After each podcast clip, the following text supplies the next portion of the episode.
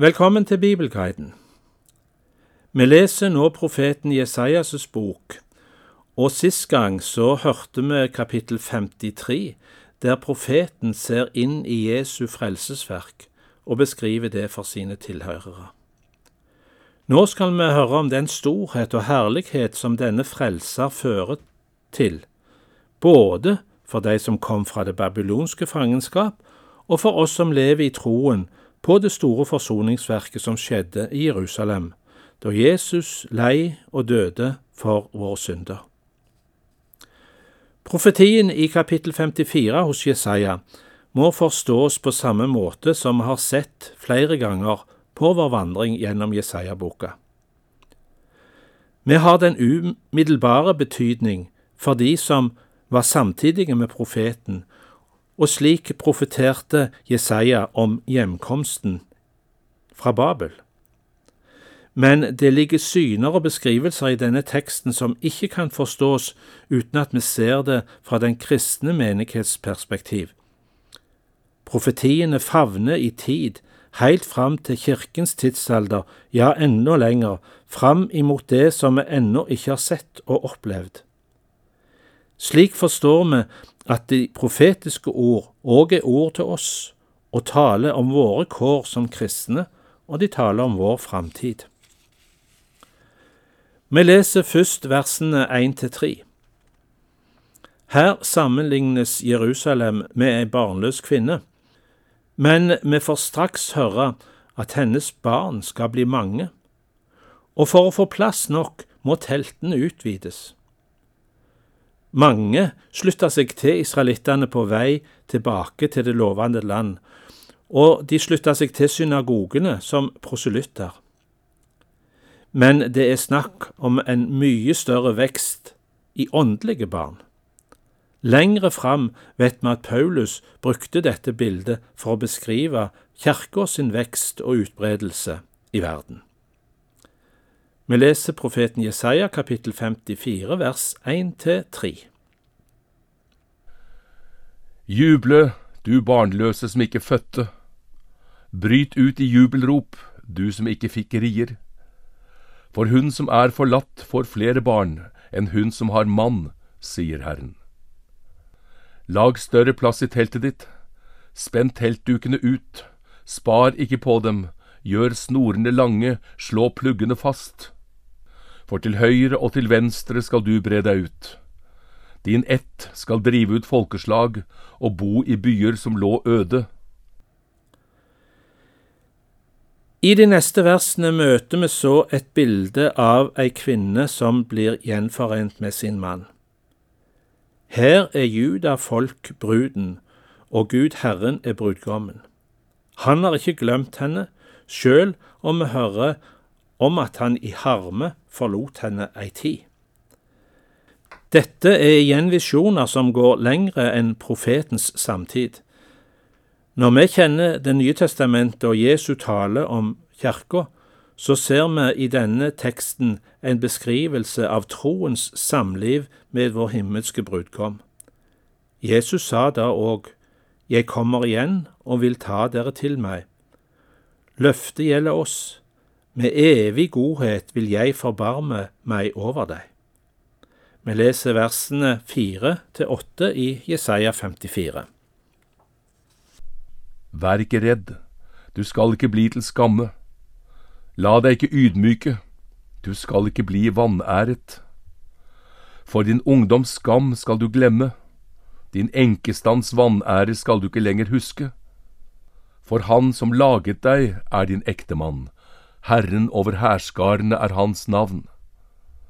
Han som løser deg ut, er Israels hellige, han som kalles hele jordens Gud. Forlatte og sorgfulle kvinne, Herren kaller på deg.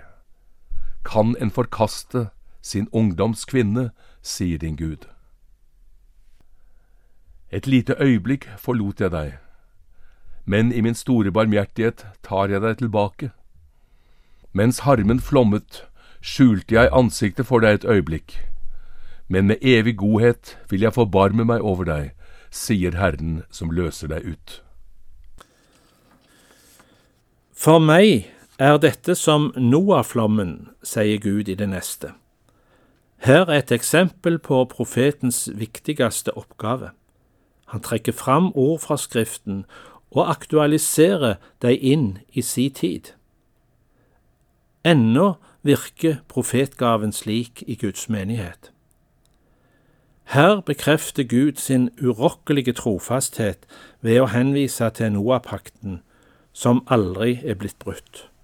Om fjell og hauger viker og vakler, så vil Guds fredspakt med sitt folk aldri vike. Vi hører versene ni og ti. For meg er dette som Noaflommen. Slik jeg sverget at Noaflommen aldri mer skulle komme over jorden, slik sverger jeg nå at jeg aldri mer skal bli harm på deg og true deg. For om fjellene viker og haugene vakler, skal min godhet aldri vike fra deg. Min fredspakt skal ikke vakle, sier Herren, som viser deg barmhjertighet.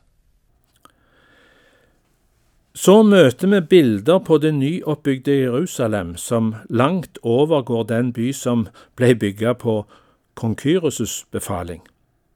Edle steiner, safirer og rubiner det er bildet på hvor høgt Gud verdsetter sitt folk.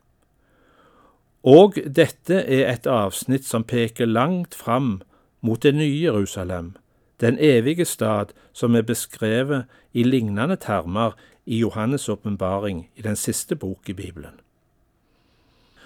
Avsnittet fortsetter med hvordan livet er bak disse trygge og flotte murene. Der vil folket få leve i fred og trygghet. Vi leser versene 11 til 15. Du hjelpeløse og forblåste som ikke finner trøst. Se, jeg legger en grunnvoll for deg av edelstener og bygger grunnmuren din med safir. Myrtindene gjør jeg av rubiner, portene dine av krystaller, og hele ringmuren av kostbare steiner. Alle dine barn skal læres opp av Herren. Stor blir freden for barna dine. Ved rettferd skal du være grunnlagt, langt borte fra undertrykkelse, for du skal ikke være redd, og ødeleggelse skal ikke nå deg. Se, om noen angriper, kommer det ikke fra meg. Den som angriper deg, skal falle for din hånd. Kapittel 54 i Jesaja-boka avsluttes så med en beskrivelse av Guds folks trygghet til alle tider. Sjøl når det produseres våpen til bruk i krig imot deg, sjøl når de blir dratt for retten og anklaga. Gud har kontroll på den onde, han som har navnet Ødeleggeren. Se, det er jeg som har skapt smeden som puster til kullilden og lager våpen til alt slags bruk.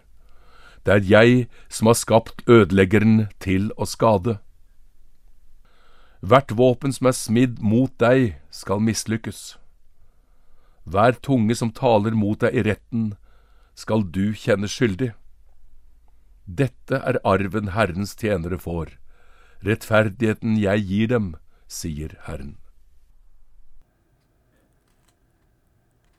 La oss ta med oss fra dagens kapittel et kjerneord og et Guds løfte. Med evig godhet vil jeg forbarme meg over deg, sier Herren, som løser deg ut. Velkommen tilbake til Bibelguiden.